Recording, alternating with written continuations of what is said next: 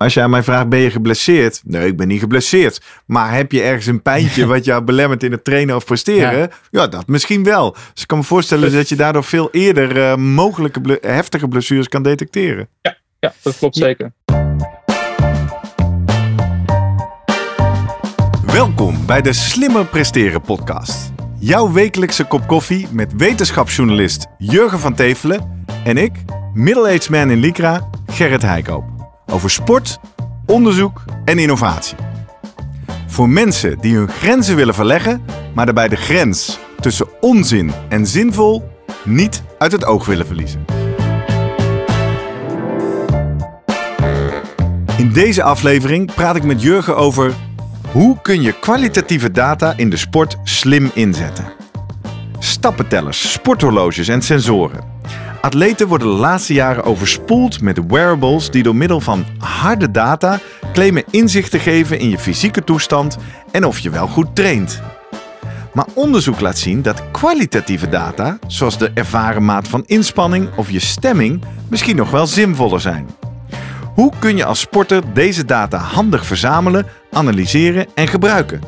We vragen het aan onze special guest, data-analyst Stefan van der Zwaard. Voordat we beginnen, nog even drie dingen om aan te denken als jij zelf ook slimmer wilt presteren. Nummer 1. Druk nu gelijk even op abonneren, zodat je altijd direct in de gaten hebt wanneer er een nieuwe aflevering online komt. Nummer 2. Weet dat je Jurgen en mij ook kunt boeken voor jouw volgende bijeenkomst als spreker of presentator. Neem gerust eens contact met ons op via de contactgegevens hieronder. En 3. Deze podcast wordt geproduceerd en gesponsord door Live Online Events. Serieus goede content rondom jouw congres of event. Check www.loe.tv voor meer info. Ja, Jurgen, goedemorgen. Ja, goedemorgen Gerrit. Het is weer tijd voor een aflevering met een uh, speciale gast. Zeker. Uh, vandaag gaan we spreken met Stefan van der Zwaard. En toen ik dat vanmorgen zei, zei ja, die, die, die ken, ik wel. Ja. ja. wie, wie is Stefan? Hoe die ken moet je jij ook kennen, want jij, jij zegt dat je mijn boek hebt gelezen. Ja. Het maakt mij weer. Nou, een zomervakantie geleden. Stefan speelt een, uh, ja, toch wel een, een, een, bijrol in het boek. Ja. Hoofdstuk 5. We moeten altijd onthouden, hè. het kan zijn dat mensen deze aflevering voor het eerst horen. Die weten dan niet wie Jurgen van Ah. Tevel is. Laat staan dat jij Nou. het boek Het Maakbare Uur hebt geschreven over de... Een wereldurenkoopoging van Dion Beukenboom. eh, waarbij ik allerlei facetten die komen kijken bij zo'n eh, uurpoging eh, onder de loep neem. En eentje daarvan is spierfysiologie. Ja, En eh, dan in hoofdstuk 5 of 6 is dat. eh, beschrijf ik eh, een, een man die achter een katheder staat aan de vuur in een pinguïnpak. Om, die ondervraagd wordt door een, ja, een set wijze heren. ja. Kortom, En, daar was een promotie gaan. De promotie. En dat, de man daar is, is Stefan. ah, Ja, dus jij was ik- bij de promotie ik was van bij de promotie van. Stefan. Ja, en dat is de laatste keer ook dat we elkaar eh, gezien hebben. Dus eh, ik ben blij om nu weer eens te spreken. Tot nu, ja, hij is hier. Goedemorgen, Ja, Stefan. goedemorgen Stefan. Goedemorgen, dank jullie wel voor de uitnodiging. Leuk om er te zijn. Ja, interessant. Eh, je bent een, eh, een echte wetenschapper. eh, niet alleen op het gebied van sportfysiologie, maar ook op het gebied van data science. We hebben eerder uit mijn hoofd aflevering 20 met Guido Vroemen, inmiddels vast onderdeel van de show, gehad over het duiden van data. Ging het heel erg over harde data. Deze aflevering willen we kijken naar kwalitatieve data. Laten we maar beginnen bij de basis. Wat is dat in relatie tot sportprestaties?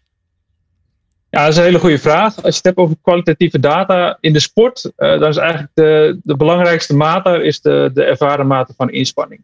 Dus eigenlijk een vraag die je stelt aan een atleet na afloop van een training. Hoe zwaar was je workout? Zo simpel is het. En dat kan heel licht zijn en dat kan maximaal zijn en alles daartussen. Eh, en op, op basis van zo'n simpele vraag kunnen we eigenlijk heel veel achterhalen van hoe zo'n atleet nu traint. En hoe hij dat over de weken doet. Dus als je op één sessie, één training kijkt, dat zegt iets. Maar als je op grotere schaal kijkt, dan krijg je echt een beeld van wat zo'n, wat zo'n sporter nu gedaan heeft over de periode. En hoe die beter wordt. Hoe die reageert op een prikkel. En echt wat er in het lichaam van de atleet zelf gebeurt. Ja. Hoe die dat ervaart. Dus ma ervaren mate van inspanning is er één, is een score. En eh, we hebben daar het eerder wel eens over gehad, Jurgen. Ik geloof dat kan van 1 tot 10 of van 1 tot 20. Ja. Of, zijn er nog andere parameters die je graag zou willen meten van een sporter, kwalitatief?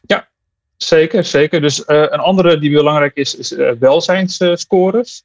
Dus dan heb je het eigenlijk over hoe heb je geslapen, heb je veel stress op het moment, wat is je gemoedstoestand, heb je last van spierpijn.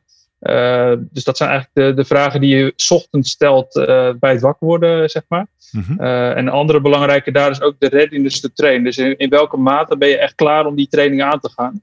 en dat kan ook behoorlijk verschillen. En dat kan ook te maken hebben met uh, gezinssituatie, als je net een kind gekregen hebt bijvoorbeeld, uh, dat kan, uh, kan zeker ook van invloed op zijn. Dus dat, dat pak je allemaal mee. Ja. Klinkt ergens ook wel logisch. Van ja, tuurlijk heeft dat invloed. Maar uiteindelijk gaat het natuurlijk om van ja, kun je dat omzetten naar getallen? En daar, dat, daar ben ik wel geïnteresseerd in hoe jij of nou ja, Sport Data Valley dat precies doet. Dus misschien is het goed om uh, het voorbeeld van de schaatsploeg erbij te nemen. Ik keek op jouw website. Uh, leuke link naar een aflevering van de Slimmer Presteren podcast. Waarin we het al eerder denk ik over spierfysiologie hebben gehad. Over jouw promotie een beetje. Ja. Maar een stuk interessanter is waarschijnlijk het filmpje wat jij uh, van jouw webinar voor de ISU. Hè, voor schaatscoaches met name. Uh, daar, ja, daar, kwam naar voren wat je gedaan hebt voor uh, de Nederlandse schaatsploeg. Kun je misschien daar wat over vertellen? Want daar, daar komt het wel naar, naar voren hoe jij dit hebt aangepakt eigenlijk. Die kwalitatieve data ja, gebruiken voor in dit geval de coach. Uh, wat is het, Geert Kuiper of een andere? Of nee, Simon nee, Kuipers. Simon, Simon Kuipers. Ja, precies. Ja, Simon Kuipers, ja. uit zeker, ja.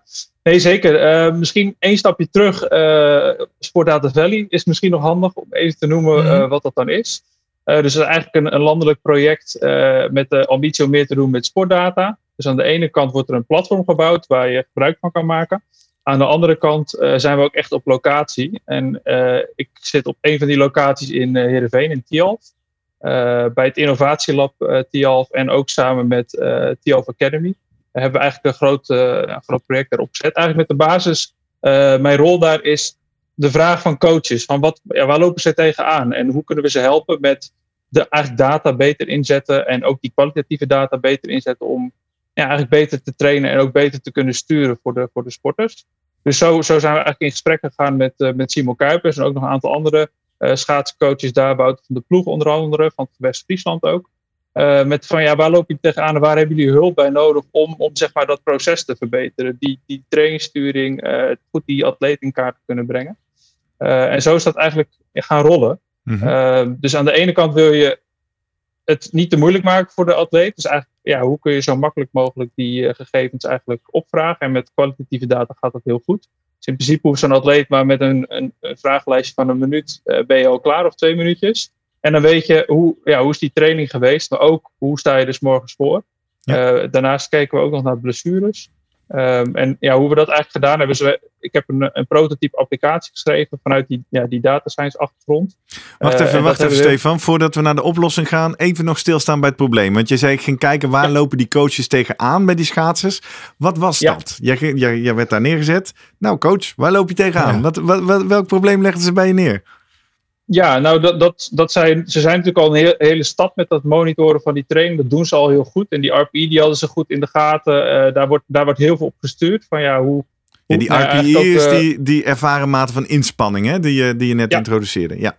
ja, de rating of perceived exertion, inderdaad. Ja, ja. Um, en uh, dus daar wordt al heel veel op gestuurd en veel mee gedaan. de vraag is, is ook hoe houdt dat ehm, ja, uh, als je een, een, stapje terug doet, kun je, kun je ook daar meer over grotere lijn kijken. Dus wat gebeurt er over de, over de loop van een seizoen? En kun je ook de, de verbanden met, nou, inderdaad, hoe, hoe is je welzijn, uh, hoe is je reddenissen trainen, maar ook blessures. Uh, dat zijn allemaal dingen die ja, nog niet zo in eerste instantie in kaart gebracht werden. Mm -hmm. dus wat we eigenlijk gedaan hebben is ja, wetenschappelijke literatuur, wetenschappelijke ge, ja, gevalideerde vragenlijsten eigenlijk ingezet gecombineerd bij elkaar om, om daar eigenlijk een beter beeld uh, voor te geven. Voor zowel coach als sporter. Ja. Uh, ja. En je dus, zegt aan de ene kant wetenschappelijke vragenlijsten, uh, denk ik dan. En tegelijkertijd zeg je één minuut. Ja. Huh? Dan uh, heb ja. je wel precies de goede vragen te pakken. Welke zijn dat? Ja, nee, daarom. Dus je moet het niet, je moet het niet te moeilijk maken. in de zin van, ja, hou het simpel. Um, en, en nou, die rating of perceived exertion, dat is een vragenlijst, maar het is maar één vraag. Dus ja. dat gaat heel snel. Ja. Um, en die welzijnsvragen, dat zijn er vijf. Dus dat gaat ook heel snel. Ehm, en daarnaast hebben we dan ook nog van de Oslo Trauma Research Questionnaire. Hebben we dan, nou, klinkt allemaal heel moeilijk, maar eigenlijk zijn het vier vragen met van hoe word je ja, beperkt eigenlijk door een blessure? Dus heb, heb je symptomen? heb je daar last van? heb je moeite ook om, om deel te nemen aan sporten? Heb je zelfs prestatie die verminderd wordt door die blessure. En, en verminder je ook je training. Dus er zijn eigenlijk gradaties in. Die mhm. met elkaar eigenlijk een heel goed beeld geven van ja, als je een blessure hebt. Ja, wat is dan de impact daarvan voor de sporter? Maar het, eist, uh, ja, het vereist wel wat van de sporter dat hij het goed kan uh, benoemen en, en kwantificeren. Ik vind het soms best wel lastig al, al met, met Strava simpel. Al, dan vraagt hij na afloop, ja, hoe zwaar was het? Schaal van 0 tot 10. Ja, je kan natuurlijk ook een borgschaal 0 tot 20. En dan denk ik, ja, was het nou een 3 of was het een 4 of een 5? En dan ga ik erbij kijken van, ja, je kon nog net praten, ja of nee. Of, dus het, ja, hoe betrouwbaar is het zijn? Ehm, en merk je ook dat sommige sporters hiermee struggelen om aan te geven, ja, ja om dat goed, goed een getal aan te geven of goed te benoemen. kun je dat ook trainen? Moet je dat trainen? Um, ja, ik denk dat vooral de instructie heel helder moet zijn. Dus wij zitten met de coaches en de coach legt dat echt, echt voor aan de, aan de sporter. Van ja hoe, uh, ja, hoe vul je die vragen in? En die vragen hebben ook uitleg. Hè? Dus je hebt bij, elke uh, score staat, staat bij van is het nu licht of is het pittig of is het echt zwaar of is het echt maximaal. Dus in principe is de, de schaal uh, zoals wij hem aanbieden, want er zijn verschillende varianten, maar zoals wij hem aanbieden, legt hij zichzelf uit.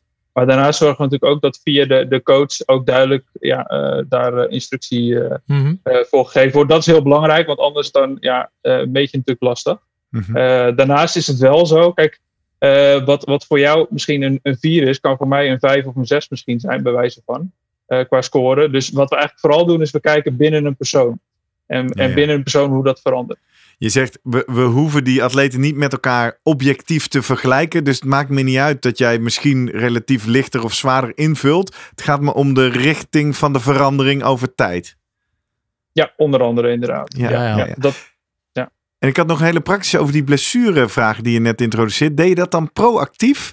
Of pas als iemand aangaf dat hij ergens last van had? Zeg maar, vraag je iedere dag uit: heb je ergens een pijntje wat jou belemmert? Zodat je het eigenlijk al eerder detecteert dan, zou zijn, dan het te laat is? Of hoe, hoe moet ik dat begrijpen?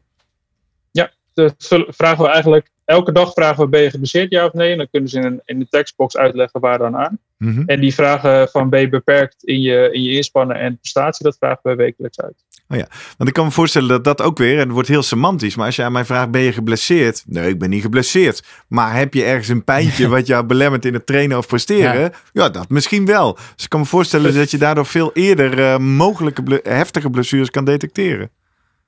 Ja, dat klopt zeker. Ja, ja de, eh, want dat is het. Volgens mij zit je het nog. Eh, je hebt dit een half jaar gedaan, misschien of een jaar voor één schaatsseizoen. Verzameld en dan geanalyseerd. Uh, klopt dat? Uh, ja, nou, we hebben het bij het schaatsen geïntroduceerd, maar daarnaast ook breder doorgetrokken, ook bij de judo en bij de, de Nederlandse basketbalbond. Ah, oké. Okay. Uh, en dat is ook het leuke van, van, van dit, dit aspect natuurlijk. Het is eigenlijk heel erg sportoverstijgend. Ja. Uh, in principe werkt dat voor elke sport. Mm -hmm. Maar wat ik altijd, ja, wat ik natuurlijk altijd hoor is van ja, nu is het nog steeds data verzamelen, data verzamelen. En je, zo, je, ja, en op een gegeven moment moet het gaan lopen dat natuurlijk zo'n coach al, al, kan ingrijpen als hij ziet, ah, nu krijg ik uit, aan de hand van mijn kwalitatieve data een, een, uh, een alarmpje gaat af. Deze sporter die gaat richting overtraining of die kans op blessures. Is het al zover of zit je eigenlijk nog in de fase van een soort baseline uh, te maken van waaruit je, ja, nou ja, baseline van elke sporter, waaruit het systeem gaat leren inderdaad, waarbij je, nou ja, uiteindelijk kom je dan begrippen als uh, eh, AI en machine learning en weet ik het wat allemaal kom je dan tegen. Hoe, hoe sta je nu uh, qua, qua dat project? Nou, die, die baseline hebben we zeker gelegd. En we zijn ook uh, stappen aan het maken voor, voor ook echt die AI-kant uh, op te gaan. En uh, het voorbeeld daar is eigenlijk bij de Basketbalbond. die die applicatie ook een, een jaar, eigenlijk een heel seizoen, volledig seizoen gebruikt hebben. wat we daar gedaan hebben is eigenlijk precies wat je aangeeft. Van, kunnen we nu ja, grenswaarden bepalen wanneer er een vlaggetje moet komen van... hey, als een atleet vijf dagen achter elkaar minder dan zoveel uur geslapen heeft. Nou, dan moeten we toch wel eens even goed gaan kijken. En dat kan per, per atleet natuurlijk Mhm. anders zijn. Ja. Dus we hebben de, in ieder geval die welzijnsvragen eh, eigenlijk gekeken van die, die bless, dat blessure, eh, of die, die blessures, die symptomen ook van blessures. Dus inderdaad niet, niet puur van ben je geblesseerd ja of nee, maar ook van hey, eh, heeft het al, al zeg maar het begin, eh, doe je al iets minder of heb je al minder, minder kunnen trainen daardoor? Eh, daar hebben we echt goed naar gekeken van, van kun je nu op basis van eh, ja, machine learning technieken, data mining technieken eh, achterhalen van, van ja, wat zijn nou risicovolle combinaties en welke dagen of, of ja, welke eigenschappen per persoon zijn nu ja, voorspellend eh, voor wanneer jij een grotere kans hebt op, eh, op blessures. Ja, maar dan loop je altijd, dat vind ik heel interessant. Stel dat dit eh, op een gegeven moment werkt dit en inderdaad er komt zo'n eh, Ja, maar rode... laten we dat eerst even doen. Want ik, ben, er- ik heb nog steeds niet gehoord. Stefan, wat heb je gevonden Ja. na al die onderzoeken? Waar, Ja. waar, waar, waar- waar- welke goud eh, dingetjes heb je opgegraven? Nou, we hebben, we hebben dus gezien bij, bij, de, bij die basketballers dat er, eh, als ze een, een lage readiness to train hebben, wat je op zich ook zou verwachten, hè, eh, maar dan wel onder een bepaalde cut-off, eh, dus dat is onder de 2,8 uit mijn hoofd. Als hij daaronder zit, dan heb je een hoog risico. Of als je Dus- slaapkwaliteit, Zin om te trainen ging het om, hè? zin om te trainen. Ja. Ja. dat is eigenlijk, ja, eigenlijk heel simpel, maar dat is wel de belangrijkste die eruit komt. Van hey, Ja. als die heel laag is, Belangrijkste, zeg jij. Dus van die aantal kwalitatieve parameters blijkt opeens die. Zeg jij, hey, die kunnen we er echt uitlichten. Dat is er één. Als je die goed monitort, dan kun je eigenlijk al heel veel zeggen over je atleet. Meer dan ervaren mate van inspanning of pijntjes. Of, ja. Nou, dat is er eentje. Eh, en en de eh, het tweede is ook de kwaliteit van, van slapen. eh, die is ook heel belangrijk. Dat je herstel goed genoeg is. Ook, ook een logische. Mhm. Maar het gaat niet zozeer om, om het feit dat we een logisch verband vinden. Dat, is, dat, ja, dat, dat kun je verwachten. Alleen de vraag is vooral van, ja, maar wat zijn dan die drempelwaarden? En wat is die drempelwaarde voor jou? Is het voor jou 8 uur slaap of is het 7,5? Of, ehm, eh, d- dat, dat zijn de belangrijke dingen eh, waar wij naar kijken. Dus En- je, moet je dan zo'n analyse per atleet eigenlijk fine-tunen? Begrijp ik dat goed? Eigenlijk wel. En, en daar, daarvoor is het dus heel belangrijk dat je heel veel eh, gegevens per atleet ook hebt. Ja. Dus Ja, hoeveel is de zo- volgende vraag? Hè? Wat, hoe, hoe lang moet je voeden voordat je iets kan gaan leren? Ja, je kan al vrij snel grote dingen eruit halen. Maar wil je echt dat fijnmazige eh achterhalen, dan is ja, veel data natuurlijk beter. Eh, dus, Ja, Noem eens wat. Is dat een, een jaar het eh, systeem trainen en dan pas analyse? Of welke orde van grootte moeten we denken?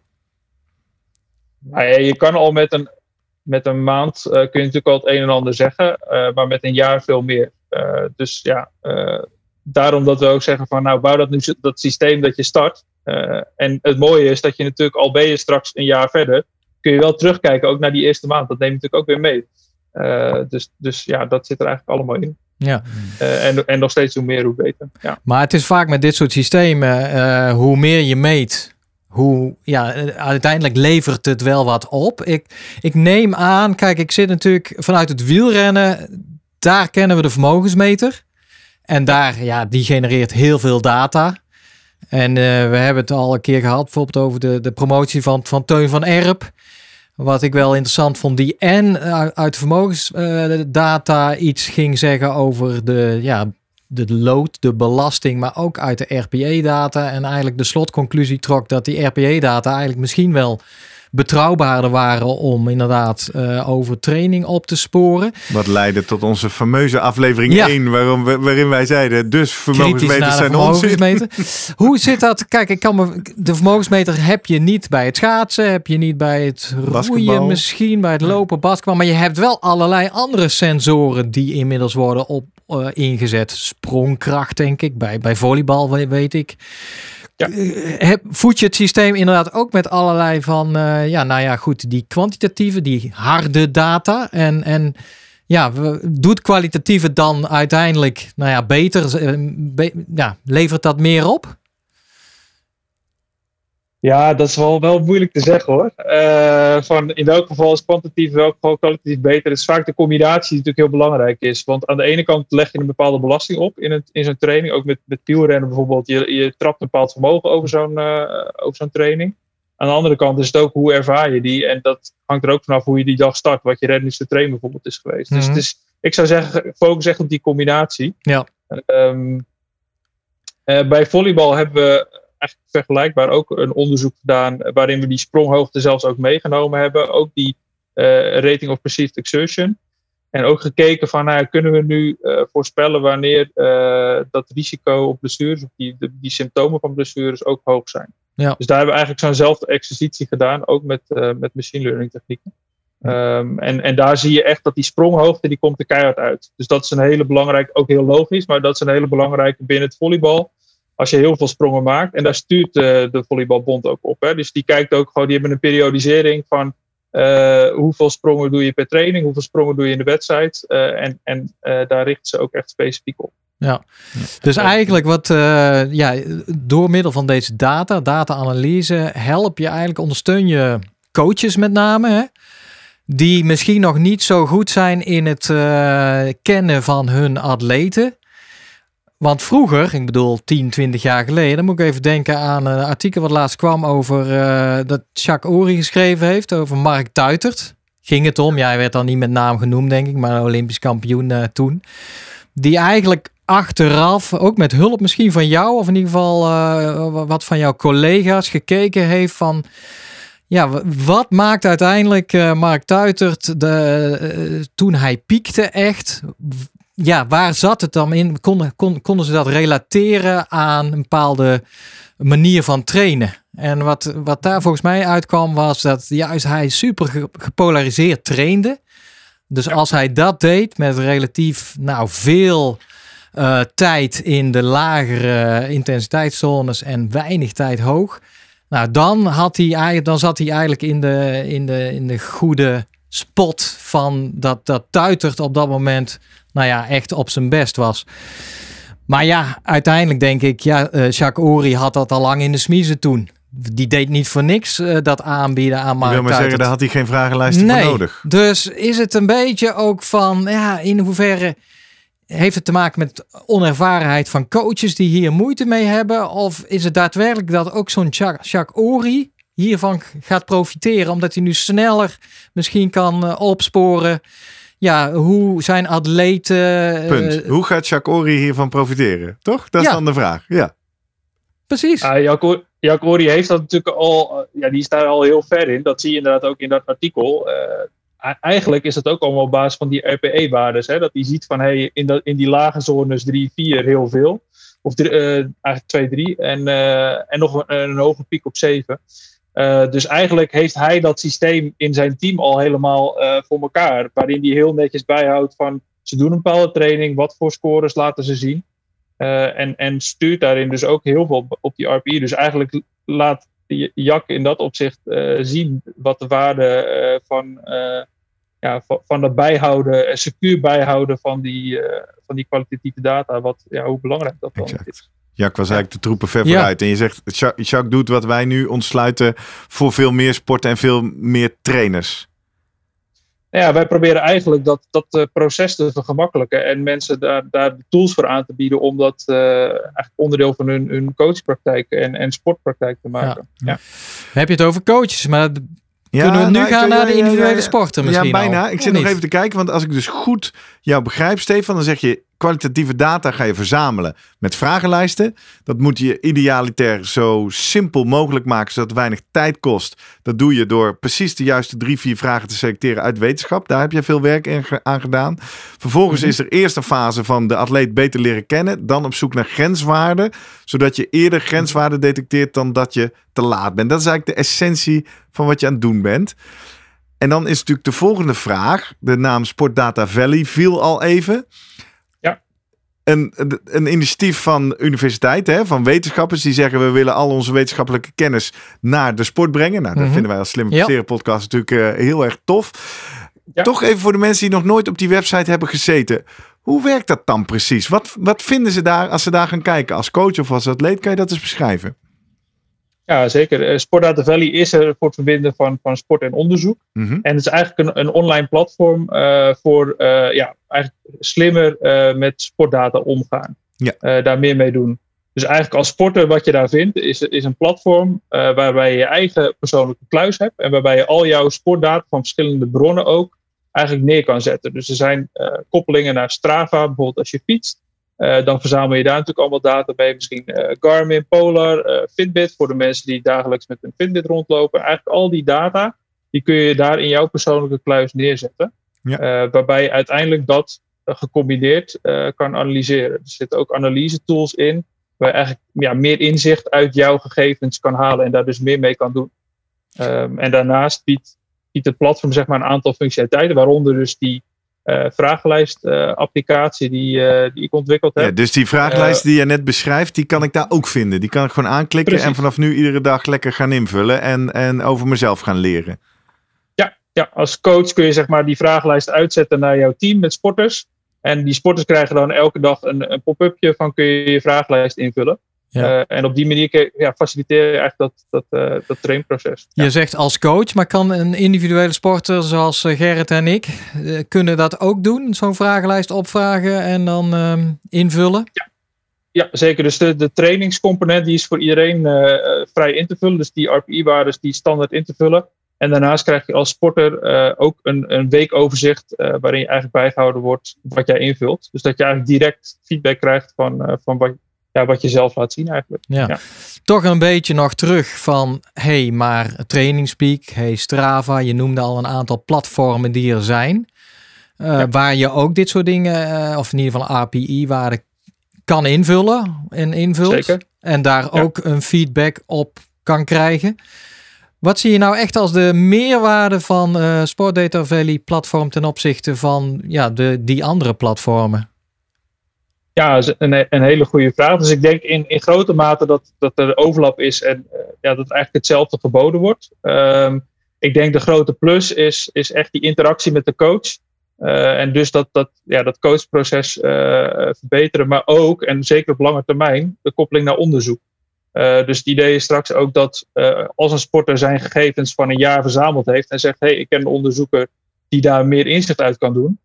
Ik kan mijn data dan delen met een onderzoeker en die kan daar vervolgens dan uh, een analyse op loslaten. En dus eigenlijk die inzicht ontdekken van: hey, wat zijn nou jouw persoonlijke uh, vlaggetjes en persoonlijke focus, ja, sterke en zwakke punten die je eruit kan halen? Oh, Oké, maar dat is een goed punt, want dat, dat, dan, dan denk je meteen over privacy. Hè? Ja, dat ik wou zeggen, een... al, mijn, al mijn data ja. even naar Sport Data Valley. Uh, laten we bij het begin beginnen. Is Sport Data Valley gratis of betaald? Hoe zit dat?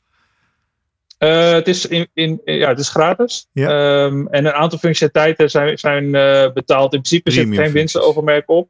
Dus ja, precies. We zijn gewoon non-profit wat dat betreft. Maar om draaiend te blijven zijn de extra functionaliteiten. En dan heb ik altijd geleerd. Als iets gratis is, dan ben jij het product. Kortom, is, is dit nee. een soort grote dataverzamelbak? Gaat, gaat heel Nederland nu mijn data ook analyseren? Of hoe, hoe zit dat met die nee, privacy? Nee, nee, zeker niet. Nee, zeker niet. Dus net wat ik zei, hè, het is je persoonlijke kluis. Niemand ziet die data. niemand kan daarbij.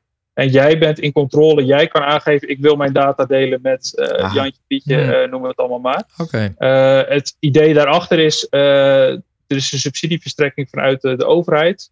En dat is waarom het onder dat model kan. Want ja, inderdaad, bij veel bedrijven is als is, ja, betaal je uiteindelijk uh, met je data. En in ons geval is dat dus niet zo. En ik heb begrepen dat dan de grote meerwaarde is. Want dan is de volgende vraag: ja, waarom zou ik dan mijn data daar neerzetten? Is dat je niet zozeer de data met elkaar deelt en met de wetenschapsdeel, maar ook vooral de analyses, toch? Dus de analyses die jij gebouwd hebt op de vragenlijsten, kunnen dan andere coaches of andere wetenschappers of andere sporters ook meteen gebruiken voor hun data.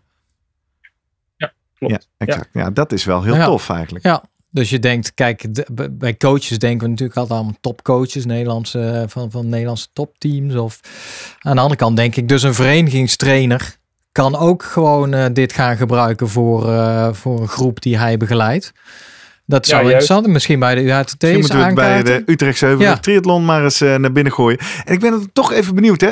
Wat, wat mag ik daar dan van gaan verwachten, Stefan? Wat, wat nou als ik netjes die, uh, die RP, de, de, uh, ervaren mate van inspanning uh, bijhoud. Ja. Maar bijvoorbeeld, ik, heb, ja. ik maak ook al tijden uh, gebruik van een mood tracker. Dus ik vul uh, iedere keer in, nou, wat is de stemming? Hoe voel ik me?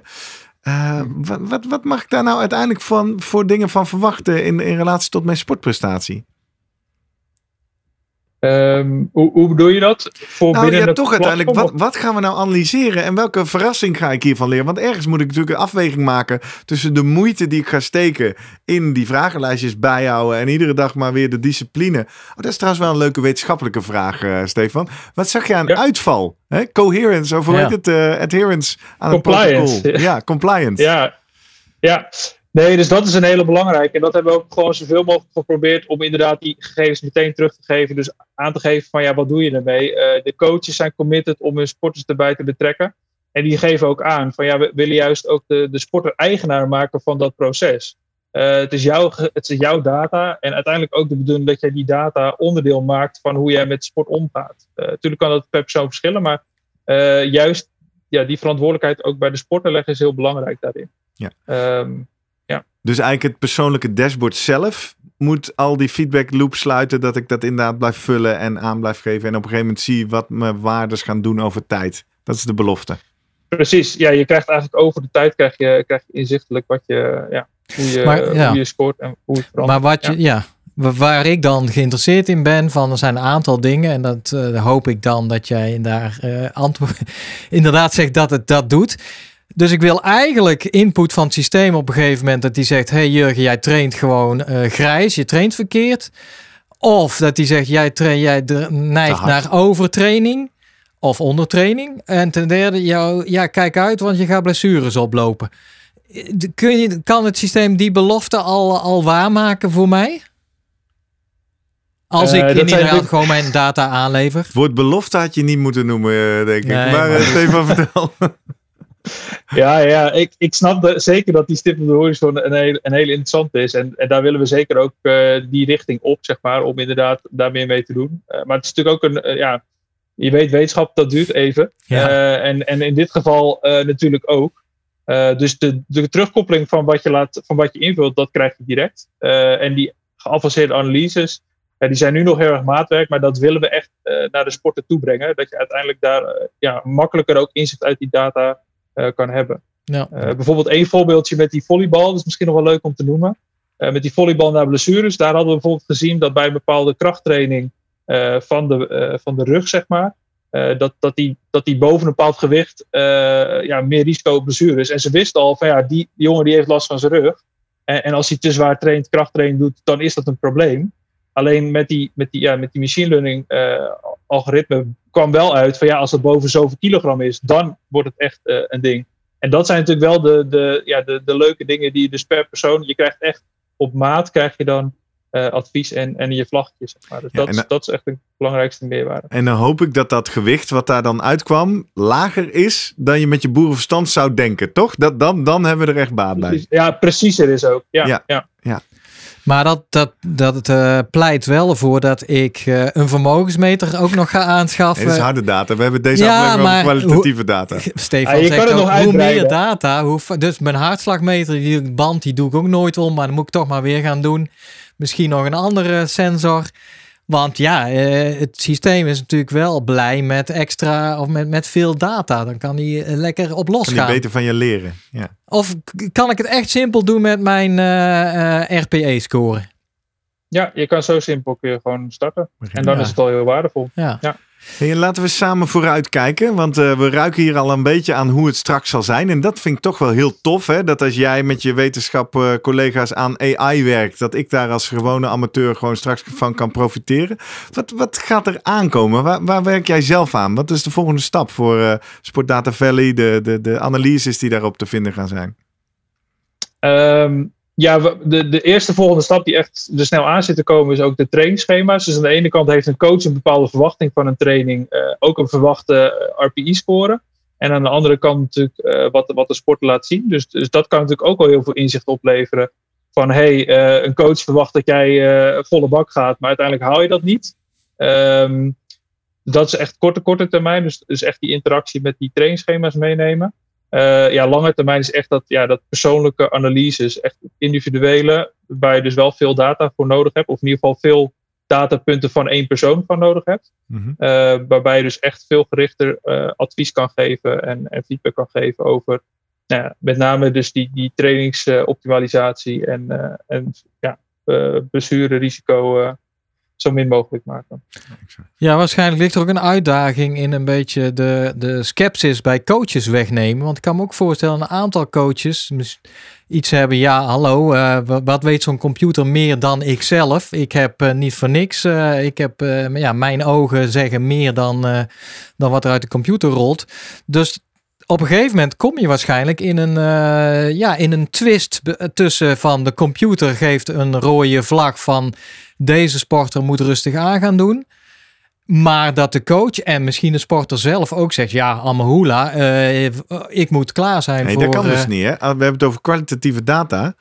Als die sporter kwalitatief readiness to train invult, dan zal hij niet Amahula zeggen. Nou, maar dat hij jokt misschien of oh, zelf iets heeft. Ja, maar nu, kan ik, nu kan ik dit niet gebruiken. Ik moet nog even door, want uh, ik heb over twee weken mijn belangrijke wedstrijd. Ja, hoe loop je daar ook al tegenaan? Uh, de, lees de coaches die nu meedoen, zijn allemaal een beetje ja, de coaches die hier erg voor openstaan? Of doet iedereen al mee? Um, nou, zeker de coaches die er voor openstaan, die, die zijn natuurlijk, uh, ja, uh, die gaan er goed mee aan de slag. Uh, hoe ik het wel zie, is het altijd ondersteunend. Hè? Dus je kan een rood vlagje geven, maar dan moet je altijd kijken van oké, okay, maar wat is de context? En inderdaad, zit die belangrijke wedstrijd aan te komen, dan kun je dat altijd uh, het, het, is eigenlijk meer van, hey, leg hier meer aandacht op. Ja. En zo zie ik het ook. Het is echt een adviesrol ook aan de coach. Kijk, die coach die is eigenlijk een integrator van alle signalen die, die binnenkomt. Die ziet de, de sporter natuurlijk s'morgens ook aan tafel zitten. En die heeft daar ook een beeld bij. Uh, dus het is meer een extra uh, informatiestroom naar de coach. die die mee kan nemen. ja, eigenlijk om, om zijn sporter in te begeleiden. En daarbij neem je dus ook mee eigenlijk de verborgen patronen die in die data zitten, die je dus in het eerste opzicht misschien niet ziet, ja. maar die dus met die extra analyses wel zichtbaar gemaakt kunnen worden. Ja, dat is wel tof. Hè? En dit is uiteindelijk wat je in iedere industrie nu hoort als de belofte van uh, kunstmatige intelligentie en grote data science. Is enerzijds de discussie of de gesprekken meer fact-based maken. En anderzijds inderdaad de, de, blinde vlekken in beeld krijgen. En uiteindelijk moet dan uh, de mens natuurlijk nog de afweging maken. Ja. ja. Tof, Stefan. Ja, ja, leuk. Gaat dit ook, uh, wat, ik ben benieuwd hoe dit internationaal gezien, hè? Uh, heeft Nederland zich daarmee op de, op de kaart gezet? Of, uh, want, nou ja, of denk je dat andere landen zijn op eenzelfde manier ook met inderdaad de min, nou laat ik zo zeggen, dus niet. Kijk, in het wielrennen, daar weten we van, daar, daar wordt volop gemeten. Voetballen ook natuurlijk met al die hashjes en al die be bewegingssensoren. Maar juist de sporten die jij noemt, waar dat veel minder gaande is. Denk dat Nederland hier een voorsprong aan het nemen is door deze aanpak? Ik denk zeker dat Nederland goed op weg is. Uh, dus dat, dat zagen we ook. UK Sports hebben we ook contact mee. Die, die waren wel heel geïnteresseerd wat wij allemaal aan het doen zijn op, op dit vlak. Uh, dus dat is, dat is sowieso leuk om te zien. Uh, en natuurlijk in Australië, Amerika zijn ze ook al heel ver uh, op dit vlak. Uh, dus ook, ook zeker die athlete management systems, ik noem een Smarterbase. Daar wordt natuurlijk ook heel veel in gedaan. Dus ja, zeker, daar is heel veel gaande. Het is echt een ontwikkeling die kant op. Jurg, je weet hoe het is in de sport, hè? Als je wint, heb je gelijk. Stefan heeft gewerkt bij de Nederlandse schaatsers. En wat doen de Nederlandse schaatsers al jaren? Het best aardig, Best hè? lekker winnen. Stefan, zit je toevallig ook in het Nederlandse vrouwenwielrennen? Of, uh... nee, nee, nee. Maar ze doen het altijd zelf, hè? Dus dat is het belangrijkste. dat is waar.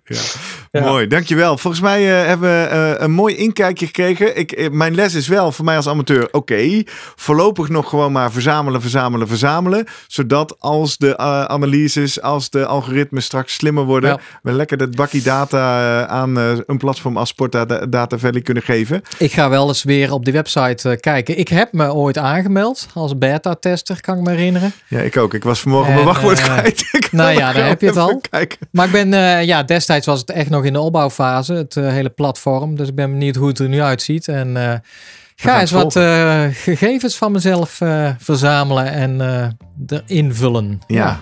Stefan, dankjewel voor je inkijkje. Ik uh, zeg tegen al onze kijkers en luisteraars, als jij nou geïnteresseerd bent in dat thema van kwalitatieve dataverzameling. Nou, allereerst zijn wij nieuwsgierig om te horen van jou. Wat is jouw ervaring? Uh, doe jij iets met die uh, ervaren mate van inspanning of stemmingswisselingen of readiness to train? Of misschien wel, die pik ik er toch wel uit. Wat proactiever loggen, hoe het zit met de pijntjes. Ja. wat zijn jouw ervaringen? Laat het er weten. Dat kan via vele wegen. Dat kan op Twitter en Instagram. Via de @slimmerpodcast kun je ons vinden van iedere aflevering en ook van deze is een post. Daar kun je onder reageren. Kunt u ook delen en doorsturen naar mensen voor wie dit interessant zou kunnen zijn. Coaches of verenigingen of mensen die misschien ook eens moeten gaan kijken op sportdatavellen.nl. Ehm, daarnaast kun je ook naar onze website slimmerpodcast.nl. Daar vind je ook een pagina voor deze aflevering waaronder je kan reageren. Waarin je allerlei uh, linkjes en artikelen kan vinden. Bijvoorbeeld naar de website van Steven van der Zwaard zelf. Waar dat uh, beroemde filmpje wat Jurgen net aanhaalde ja. ook uh, te vinden is. Of je kan ons mailen via post.slimmerpodcast.nl. We doen ons best om alle mails persoonlijk te beantwoorden. En we vinden het sowieso leuk van jou te horen. Ook als je misschien nog vragen hebt naar aanleiding van de aflevering. Want Stefan, als er vragen binnenkomen, mogen we die naar je doorzetten? Ja, natuurlijk, altijd. Helemaal goed. Superleuk. Dank voor nu. En uh, Jurgen, ik zie jou volgende week bij uh, Nieuwe Kop Koffie. Ja. Dank Stefan. Hartelijk dank.